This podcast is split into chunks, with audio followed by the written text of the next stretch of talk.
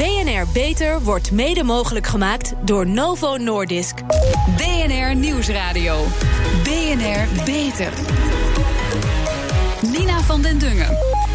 Je bent jong, misschien wel studerend of net getrouwd. En dan krijg je te horen: je bent ongeneeslijk ziek. Met misschien wel de dood tot gevolg. Maar wanneer ga je dood? Hebben ze daar een termijn op geplakt?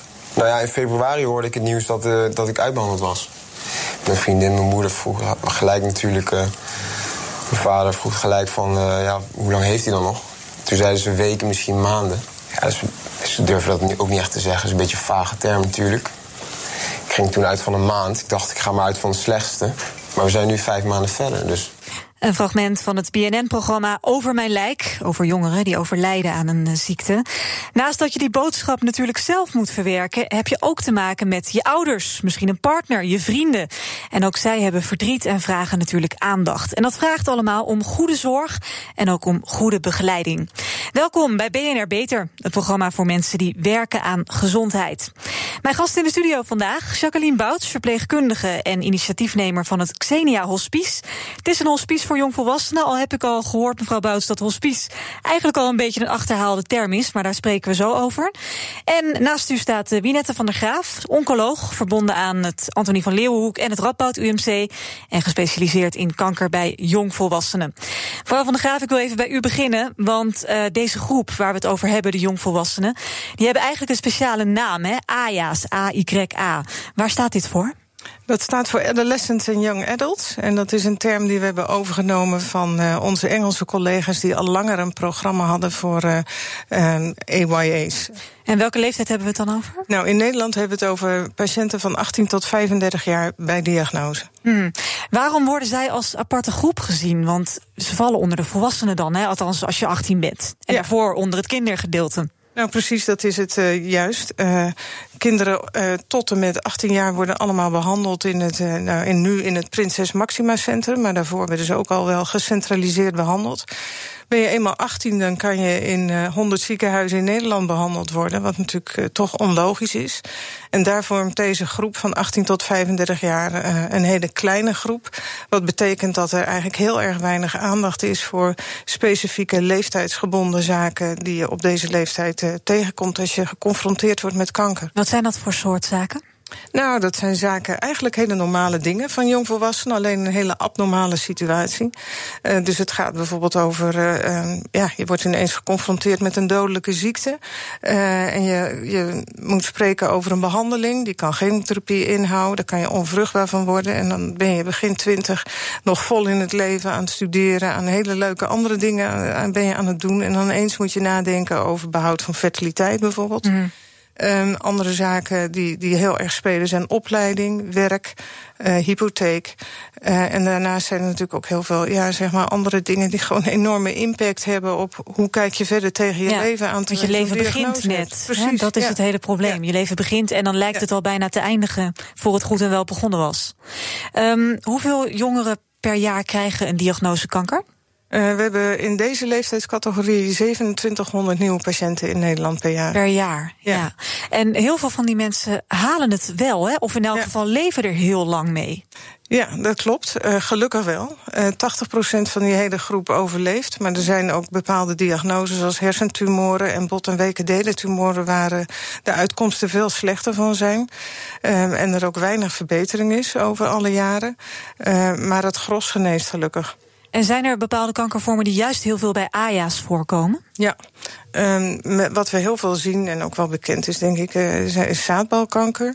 Uh, we zien uh, Hodgkin-lymfomen, dus een bepaalde vorm van lymfklierkanker. Um, en, en schildklierkanker, dat zijn ziektes die echt typisch van deze leeftijd zijn.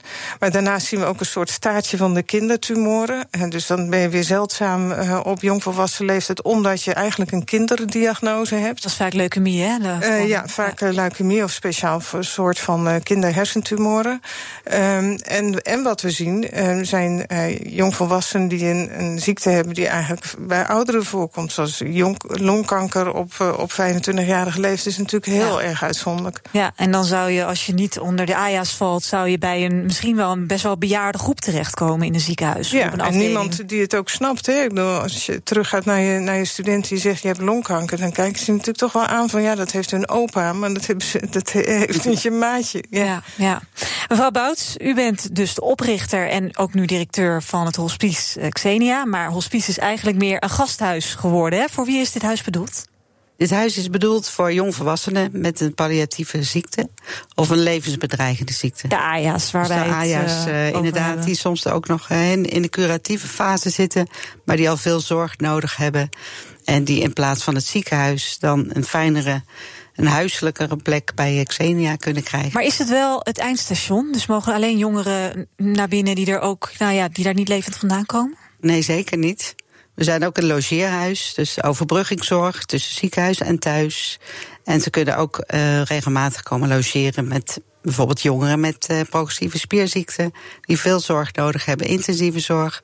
En die komen dan uh, één keer in de twee weken, of als de ouders op vakantie zijn, komen ze bij ons logeren.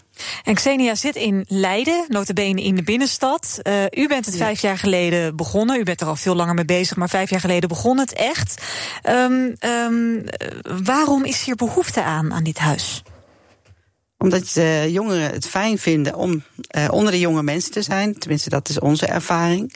Wij vinden het ook belangrijk dat jonge mensen zelf kunnen kiezen waar ze willen zijn. Wij merken dat ze het prettig vinden midden in de stad. Het is een jonge omgeving. Kunnen ze nog naar de kroeg als ze willen? Ja, alles is in de buurt. Ja. En we zitten toch in een, in een hofje eigenlijk in de, in de stad. Dus echt een, een prima locatie mm -hmm. waar je alles hebt. Hoe kwam u daarbij dat u dacht van dit huis moet er komen? Hier ga ik mee aan de slag? Als kinderverpleegkundige uh, merkte ik dat er in Nederland geen voorzieningen zijn voor de 18-plus groep. Dus zo, uh, ja, als, als verpleegkundige heb je daarmee te maken. Zeker als je uh, thuisbezoeken uh, doet. En je ziet dan dat er crisissituaties thuis zijn. Dat voor de ouders het heel zwaar is, de zorg. En wat je in de hospices ziet, is dat uh, ja, daar zijn alle leeftijden welkom. Maar als daar iemand van 20 binnenkomt, dan is dat toch niet ja, de fijnste plek voor hun om te zijn. Er zijn niet veel andere jonge nee. mensen. En, ja, en ze willen ook niet meer thuis wonen. Dat is dan weer het andere uiterste. Ja, wat wij vaak zien bij Xenia, ook als ze voor de laatste fase echt zelf bewust kiezen om bij Xenia te zijn. Dus, hè, dat zijn jonge mensen van 25 bijvoorbeeld, die hebben al hun eigen leven. Ja. En ze zijn, zijn al afgestudeerd, hebben al een baan of soms al een jong gezin. En de ouders willen niks liever dan voor ze zorgen. Maar vaak kiezen ze dan toch voor toch nog zelfstandig zijn. En wat je dan ja, wat wij dan ook vaak zien is dat de ouders uiteindelijk bij ons komen wonen. Maar de dat ouders komen allemaal. erbij. Ja, ja dat ja, kan ja. ook. Ja. Wat leuk. En hoeveel mensen zitten er in, in, in Xenia? Hoeveel kamers heeft We hebben zes kamers. Ja, en dat wordt ook nog op een gegeven moment meer, heb ik begrepen al, hè? Ja, we gaan uh, bouwen. Naast Xenia komen zorgappartementen. Mm -hmm. Dat is een grote wens van onze logeergasten. Die, uh, ja, die zijn al vaak voorbij de twintig. En die vragen dan gewoon, kunnen we ook bij Xenia wonen? Als ze eenmaal gewend zijn en het, het prettig vinden op eigen benen. Mm -hmm. En uh, zo zijn en we dan wel die intensieve gekomen. zorg krijgen dus. Ja, ze hebben ja. echt veel zorg nodig. En ja. uh, vaak ook met beademing. Dus voor hun is het niet mogelijk om zomaar ergens te gaan wonen. Nee. En anders komen ze in een grote instelling terecht. Zit het altijd vol, Xenia? Het zit bijna altijd vol, ja. Er is ook een wachtlijst voor? De, de, voor de terminale zorg, dat kan je natuurlijk niet, uh, dat is niet te plannen. Nee. En uh, ja, op dit moment uh, hebben we een reservelijst, ja. Mensen die uh, graag willen komen. En u bent echt het enige huis die dit biedt in Nederland, hè? We zijn de enige ja, voor deze leeftijdsgroep specifiek, ja. Ja.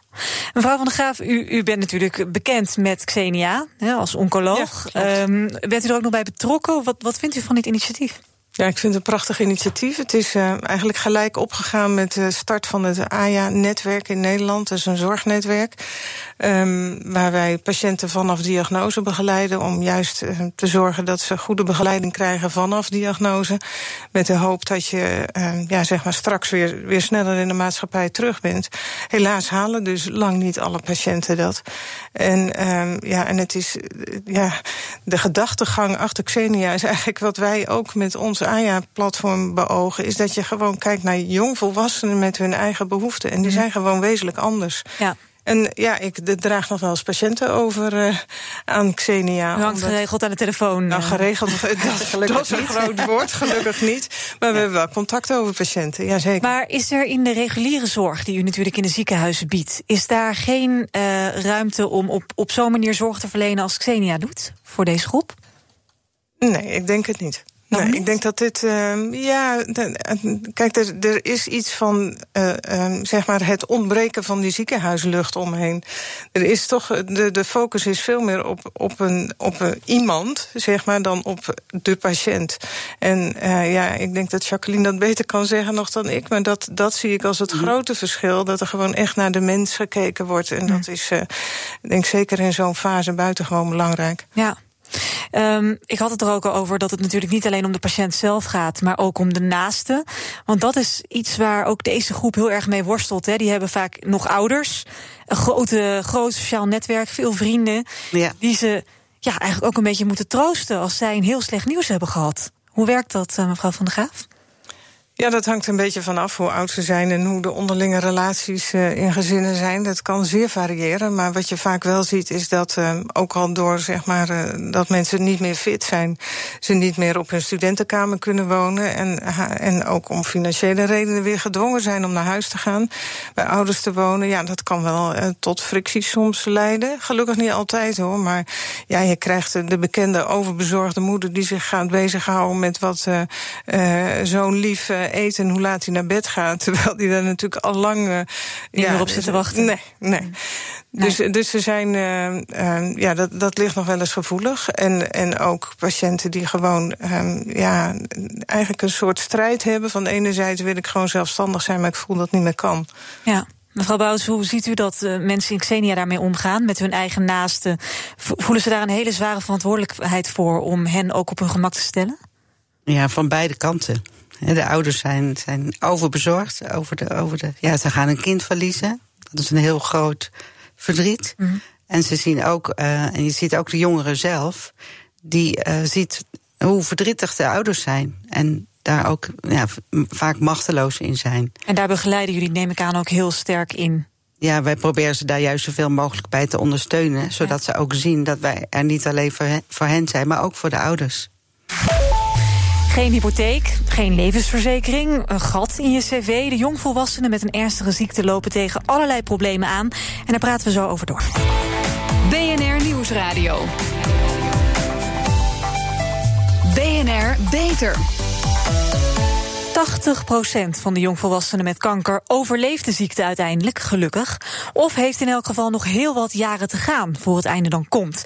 Dat vraagt ook allemaal om specifieke behoeften. En daar praat ik over met oncoloog Winet van der Graaf en met Jacqueline Bouts, oprichter van het Xenia Gasthuis voor Jongvolwassenen. Uh, mevrouw van der Graaf, u maakt het heel vaak mee, hè? patiënten die de diagnose kanker krijgen, logisch als oncoloog. Uh, ze hebben dan nog een aantal jaren te gaan. Hoe, hoe leven zij daar vervolgens mee met die wetenschap? Ik heb nog een aantal jaar. Wat, wat doe je dan? Ja, ik denk dat dat, uh, dat is gelukkig maar een kleine groep. En dat is de groep die uh, een slechte vooruitzichten heeft... waarvan we overigens ook niet altijd precies weten... hoe lang het leven nog zal duren. Um, dus ja, dat is um, vaak voor patiënten leven van scan tot scan helaas. Uh, in ieder geval zo wordt het vaak gevoeld, wat op zich ook alweer een hele stressfactor is, als elke drie maanden een CT-scan gemaakt wordt. En dat is iets wat, uh, ja, wat wij met name ook proberen ja, zeg maar te begeleiden, dat ook het leven opgepakt kan worden. En, en vaak zie je ook dat mensen geweldige vrienden en vriendinnenkringen hebben die, die iets oppakken. Je ziet ook wel dat die afhaken. Dus het kan beide kanten op. Ja. Hoe stimuleert u dat een jongere zijn leven blijft leven? Wat kunt u doen als arts? Nou, in ieder geval vragen wat ze aan het doen zijn. Ik denk dat het verder um, um, aan ons is om zo eerlijk mogelijk te zijn. Als je denkt dat de prognose heel erg kort is, moet je daar ook eerlijk over zijn. Vaak zien ze dat natuurlijk zelf of voelen ze dat ook wel dat het niet goed gaat. Maar als het wat langer is en we weten het ook niet precies, zeker met bijvoorbeeld een nieuwe immuuntherapie, um, ja, dan, dan is het belangrijk dat er ook onderling contact is van patiënten. En die zoeken ook graag mensen op die ja, andere jongeren die in hetzelfde hetzelfde schuitje zitten. Nou, dat is natuurlijk ontzettend lastig, want in Nederland is het heel zeldzaam. Dus daarvoor hebben we ook een online community, uh, aya4net.nl. En daar uh, kunnen mensen elkaar ook vinden. En je ziet ook wel dat mensen via zo'n online community elkaar dan weer live op gaan zoeken. Ja, ja dus dat zijn natuurlijk grote steunpilaren Ja. voor elkaar. Ja, dat zijn. Ehm, wordt er nog gewerkt? Denken jongeren nog aan banen als ze zoiets horen? Van ik, je hebt nog eh, drie jaar, vijf jaar? Nou, dat wisselt heel erg. En ik denk dat daar onze begeleiding ook nog schort. Want we weten het eigenlijk niet zo precies wat, wat je kan doen. ehm, en welke werkgevers ook openstaan voor, eh, voor dergelijke krachten. Ehm, en dat is ook een van de zaken die we in een nieuwe subsidie die we hebben gekregen willen gaan uitzoeken. Van hoe, hoe richten mensen nou eigenlijk hun leven in en waar zouden we hen beter in kunnen begeleiden? Ja, mevrouw Bouts, u moet dat herkennen, hè, dat patiënten ook die intensieve zorg nodig hebben, dat die heel graag nog wel wat willen doen, zeker als ze weten dat ze nog wel een, een tijd hebben te leven. Op welke manier kunnen zij hun tijd nog zinvol invullen met misschien wel betaald werk? Wat wij eigenlijk ja, merken is dat de patiënten die bij ons geweest zijn, die voor overbrugging komen of nog in een, een behandelende setting bij ons komen, dat ze vooral heel erg daarmee bezig zijn. En nog helemaal niet, ja, eerst maar wachten van hoe gaat dit? En daarna, als het allemaal klaar is in het ziekenhuis, dan valt het gat. Van oh, en dan moeten ze het zelf weer, zelfstandig, moeten ze weer aan de slag. En dat is het moeilijkste moment wat Ja. wij zien. Want dan moeten ze, ja, dan is de hele omgeving is weg. Hè? De, de- van het hospice en van het ziekenhuis. En dan staan ze echt weer op eigen benen. En hoe, Wij eh, kunt u daar iets wel, in, in eh, betekenen dan? Ja, wij, wij houden, houden wel contact met de patiënten of de gasten dan, die bij ons geweest zijn. En door regelmatig even te, te appen of te bellen van hoe gaat het. En we proberen daar ook eh, bij te begeleiden. Of via Emma at Work, dat is een stichting die jongeren helpen met een eh chronische ziekte om weer aan het werk te kunnen. Ja, want ik wou zeggen, zit er echt een, een begeleider op die misschien gaat kijken met een jongere, goh, je bent genezen. Ehm, laten we samen eens wat stappen zetten om te kijken of we kunnen gaan solliciteren. Of moet ik het zo zien? Of is het niet zo intensief, die begeleiding? Nee, het- is niet zo intensief. Wij kijken echt op maat van eh, als iemand bij ons met ontslag gaat. Eh, hoe staat hij dan in het leven en wat kunnen wij aanbieden om hem daarbij te ondersteunen? En Ja. dat kan heel verschillend zijn. Ja, en eh, de jongeren die in eh, Xenia zelf zitten en die misschien weten dat ze echt nog wel een, een tijd te leven hebben, die wel intensieve zorg en nodig hebben, zijn die, ziet u bezig met werk of totaal niet? Totaal niet. nee. Nee? Want waar, ze- waar, waar- hoe vullen zij hun dagen? eh, wat, wat doen zij eh, in, in binnen Ik denk dat ze daarvoor te weinig energie hebben. Mhm. Om, om daar ook, ja. Klinkt logisch. Ja. Maar hoe vullen zij hun dagen binnen Xenia? Hoe ziet dat Er eruit? wordt heel veel eh gegamed. Gegamed. veel computer. Ja, je moet denken aan, aan jonge mensen eh, met, met een spierziekte. Ja, twintigers, Dus tieners. eh, ja. hun lichaam, bedoel, ze, zij kunnen niet veel als ja, computeren, tv kijken, Ze sport gaan niet de hele tijd kijken. naar buiten. Op dat is moeilijk natuurlijk. Ja, en voor de jongeren met spierziekten zie je van de winter is het, is het lastig. Want ze Ja. hebben veel last van de kou. En nu wordt het weer mooier weer. Dus dan gaan ze ook wel weer meer de stad in, terrasje pakken. Met vrijwilligers op stap. Ja, mevrouw van der Graaf, ehm, eh, er is natuurlijk dus, waar we het net al over hadden, die grote groep die gelukkig overleeft en naar huis gaat. Ehm, hoe moeilijk is het voor hen om het leven weer op te pakken? Wat ziet u daarvan? Nou ja, ze moeten vaak hun, eh, hun opleiding weer oppakken. ehm, en een, een baan zoeken of weer terug naar werk. Eh, dus het is entree of een rentree naar werk. Eh, daar hebben we ehm, gelukkig teams voor, die daar, en, en met name klinisch arbeidsgeneeskundigen sinds kort. En die helpen ook echt om zowel school als werkgevers te begeleiden om deze jongeren weer ja, zeg maar, op de rails te krijgen. En ook de jongeren zelf. Ehm, om ook te voorkomen dat mensen zichzelf niet overschatten in wat Ja. ze al kunnen. Want moeheid speelt bijvoorbeeld vaak wel echt een rol net na een behandeling. En, eh, en dat kan maken dat mensen nou ja, om, door moeheid of doordat ze een amputatie van de ledemaat hebben, echt een andere baan of een andere opleiding moeten gaan zoeken. Ja, ja. Dus dat zijn hele ingrijpende dingen die er dan ook nog eens bij komen. Ja, dus inderdaad, het, het woord genezen is het mooiste wat je kan horen, denk ik, Ja. als je zo patiënt bent. Maar dan is het niet eh, alleen maar feest. Nee, het is niet Het is een eh, moeilijk- moeilijk moment, ja. vaak is juist het einde van de behandeling, dan komt er een groot gat. Want iedereen denkt hoera en eh, het is allemaal klaar en ja. je voelt Ja. je weer prima. En dan valt het ontzettend tegen. U heeft dus een flinke subsidie gehad onlangs van KWF, hè, geloof ik, Ja, kankerbestrijding. 2,8 miljoen euro. Wat gaat u daarmee doen? Nou, wat we daarmee gaan doen is de uitkomsten bekijken van uh, patiënten die behandeld zijn met kanker op jongvolwassen leeftijd. Dus we kijken zowel naar de psychosociale als de lichamelijke uitkomstmaten. En um, we gaan um, een aparte deel gaan we wijden aan patiënten die niet meer beter worden. Dus hoe richten die hun leven in en hoe kunnen we daarin um, ja, zeg maar hen begeleiden. En we gaan ook kijken naar genetische factoren. Dus ja, en andere factoren waarom je kanker krijgt. En tenslotte naar verschillen tussen uh, tumorweefsel van jongvolwassenen en uh, ouderen met dezelfde diagnose. Dus het is een hele brede subsidie. We gaan over vijf jaar tijd uh, patiënten verzamelen. In totaal hopelijk 4000 jongvolwassenen in dit cohort op te nemen. Zodat we echt hierna veel meer weten. Wat mooi, wat een mooi doel. Ja. Um, mevrouw Bouts, ook mooie ontwikkelingen dus bij Xenia. Want u ja. krijgt er dus vier echte woningen bij, appartementen, aanleunwoningen.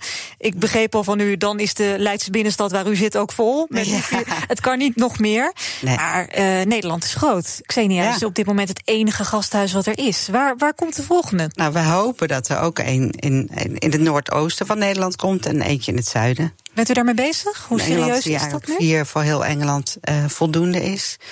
En uh, ik ben wel gevraagd om advies te geven voor een, uh, een zo'n huis als Xenia in het noordoosten van Nederland. Oké, okay, dus dat is nu dus vijf dat, jaar uh, nadien komt ja, misschien nummer twee. Komt, ja. En ik neem aan dat het, dit kan nog verder groeien, want de groep is groot. Toch? De AJA's. Ja, ja. ja, en ik denk zeker als je ook de, de vormen van zorg gaat uitbreiden. Hè, dus ook de, de AJA's die uh, niet voor de laatste fase zo'n plek zoeken. Nee, ik wens u daar heel veel uh, succes mee. En informatie over Xenia en ook informatie over het AJA-platform... waar mevrouw Van der Graaf het over had... is allemaal te vinden op onze site bnr.nl slash beter. En ik wil jullie hartstikke bedanken voor de komst naar de studio... Wienet van der Graaf en Jacqueline Bouts. Pioniers in de zorg. Ja, onze zorgredactie die speurt natuurlijk altijd naar interessante medische innovaties, zowel binnen als buiten de muren van de universiteit. Waar werkt iedereen aan en wat moeten wij daar nou over weten? Daarvoor is hier uh, Rebecca van Dam, onze zorgredacteur. Um, jij weet nu ook alles over een mooi initiatief voor patiënten die huidkanker hebben. Ja, het is een initiatief voor patiënten die in de voorstadia van huidkanker zitten. Die bijvoorbeeld onrustige vlekken hebben. Of bijvoorbeeld, je ziet het wel eens bij kale mannen. Die hebben dan van die eeltige plekken of rode plekken. Uh, wat wat verhard en verdikt is. Nou, dat soort plekken geven extra risico op huidkanker. En die moeten daar worden behandeld. En daar is dus nu een andere behandeling voor. Hoe gaat dat? Ja, een van die behandelingen die uh, wordt toegepast is daglichttherapie. Dat wordt ook vrij vaak toegepast. De patiënt krijgt een zalf op de huid gesmeerd en dat is gevoelig voor licht. De patiënt moet dan vervolgens twee uur naar buiten en dan kan de zalf inwerken. Nou, je kunt je voorstellen dat het dan wel licht genoeg moet zijn en een beetje warm, want het zalfje werkt niet als het te koud is. Maar vol in de zon is ook weer niet goed. Oh, dat is lastig, lijkt mij, als je steeds afhankelijk bent van het weer. Nou, inderdaad, dat merkten de artsen van het Wilhelmina ziekenhuis in Assen ook. Daar lopen ze voorop met dit soort behandelingen. Dus toen zij van de daglichtkamer hoorden, dachten ze, die moeten wij ook. Ah, een speciale kamer. Zeker. Ja, ja, ja. En in de daglichtkamer wordt met speciale lampen daglicht nagebootst. En dermatoloog Wim Venema legt uit welk voordeel dat voor de patiënt heeft. Maar wanneer ga je dood? Hebben ze daar een termijn op geplakt? Oh, dat is de, uh, de volgende quote. Maar er ja? moet er nog wel eentje bij kunnen. Maar dat is namelijk bij die daglichttherapie, dan smeer je het op de huid. Maar na een half uur gaat men al onder de lichtbron of in die kamer. Je haalt de crème er dan ook niet af en dan blijf je twee uur zitten. En wat je eigenlijk doet is dat je geleidelijk aan het stofje toevoegt aan de cellen. En ook dat als het ware direct weer wegvangt met je lichtbron. Dus het is een geleidelijker effect. Ja, een heel goed effect, maar niet pijnlijk. Geen pijn, dus dat is dan wel weer zo prettig. Dat lijkt me ook. En je hebt dus geen last van regen, van de kou. Dat is ook een bijkomstig voordeel. Nog andere voordelen? Ja, nou de, de lampen hebben dus een optimale lichtsterkte. Daardoor heb je altijd een goed en betrouwbaar resultaat. En daarnaast is het ook gewoon fijner voor de patiënt. Want die kan een boekje lezen, spelletjes doen, lekker kletsen of koffie drinken met andere patiënten. Heel ontspannen dus. En Assen heeft nu dus als enige ziekenhuis in Nederland zo'n daglichtkamer waar patiënten behandeld worden. En komen er nog meer bij of blijft het alleen Assen waar je ervoor naartoe kan? Nou, het is de bedoeling natuurlijk dat er wel meer van dit soort kamers bij komen. Dankjewel. Rebecca van Dam. Tot zover deze uitzending van BNR Beter. Terugluisteren kan natuurlijk via onze site, via de app, ook via iTunes of via Spotify. En reacties en tips die zijn ook altijd welkom. Je vindt ons op Twitter onder BNR Beter. Mijn naam is Nina van den Dungen. Tot een volgend spreekuur. BNR Beter wordt mede mogelijk gemaakt door Novo Nordisk.